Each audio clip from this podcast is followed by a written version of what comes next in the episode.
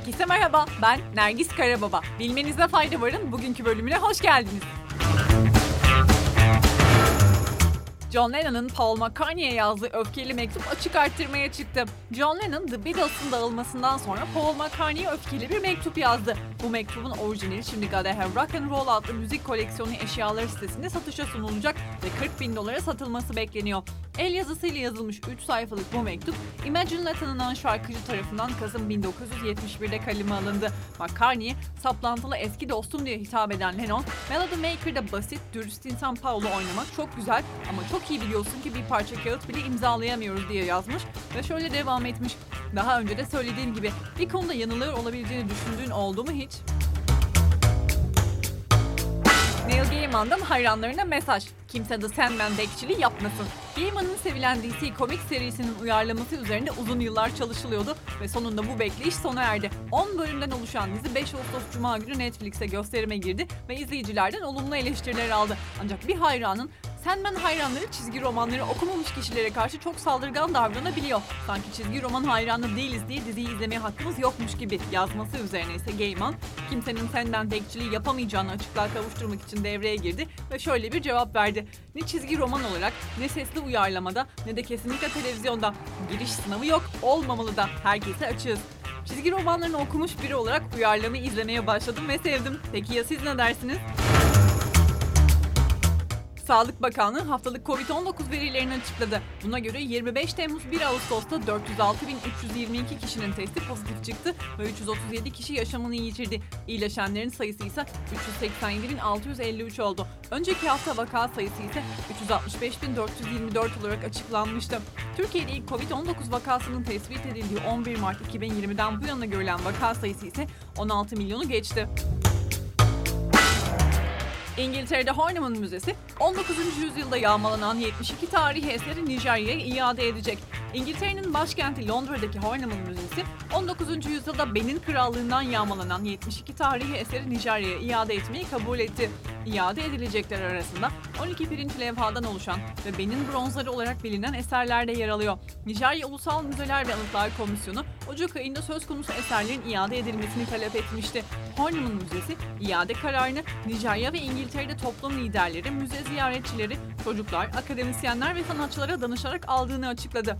Nijerya'nın sömürge döneminde kaçırılan tarihi ve kültürel değeri olan Benin bronzları ABD ve Avrupa ülkelerindeki çeşitli müze, üniversite ve kiliselerde sergileniyor. 900'den fazla eser ise İngiltere'nin en ünlü müzesi The British Museum'da yer alıyor. Ancak Benin bronzlarının büyük çoğunluğu elinde bulunduran bu müze eserlerin iade edilmesine sıcak bakmıyor. Sosyal medyada ticaret artıyor. Pandemide %68 büyüyen sektörde ivme giderek yükseliyor ve sosyal medya uygulamalarının yaygın kullanımıyla markaların stratejileri sosyal ticareti hızlandırıyor. VR Social ve Hootsuite'in Dijital 22 raporuna göre sosyal medya kullanıcı sayısı pandemi öncesine göre artarken sosyal ticaret kanalının da önümüzdeki dönemde hızlanmasının kaçınılmaz olduğu düşünülüyor. Son yapılan araştırmalara göre sosyal medya kullanıcılarının %76.1'i marka ya da ürün hakkında bilgi alabilmek için sosyal medyayı kullanıyor. Sosyal medya kullanımında dünya ortalaması 2 saat 27 dakika olurken ilk sırada 4 saat 7 dakikayla Nijerya yer alıyor. Türkiye'de 2 saat 59 dakikayla listenin üst sıralarında.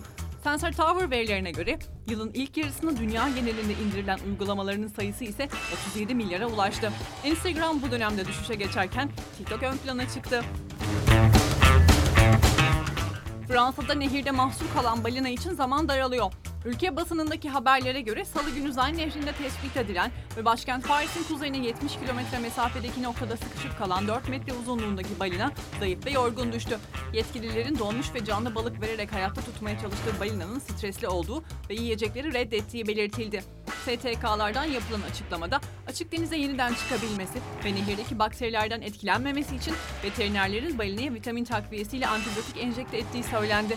Balığın durumunun kritik olduğu ifade ediliyor. Yapay etin maliyeti bin kat düşürüldü. Laboratuvarda sığır eti üreten Sci-Fi Food firması, hücrelerin bir biyoreaktörde kendi kendine gelişmesine olanak tanıyan bir teknik geliştirerek yapay et üretim maliyetini bin kat azalttı. Firma araştırmacıları, gen düzenleme teknolojisi CRISPR'ı kullanarak sığır eti hücrelerini biyoreaktörün sağladığı yapay büyüme ortamına adapte olacak şekilde düzenledi. Öte yandan yetkililer, hücrelerin sığırlardan alınan doğal hücrelerle neredeyse aynı olduğunu ve CRISPR müdahalesinin çok hafif olduğunu öne sürdü. Şirketin kurucu ortağı ve CEO'su Joshua Mart, bu gelişmeyle aynı anda daha fazla hücre büyütebileceklerini ve şirketin verimini önemli ölçüde artırabileceklerini söyledi. Mart, bu teknikle yapılacak ilk ürünün bitki bazlı malzemeler ve sığır hücreleri kullanılarak harmanlanmış bir burger olacağını da belirtti. Bugünlük bu kadar. Yarın görüşmek üzere. Hoşçakalın.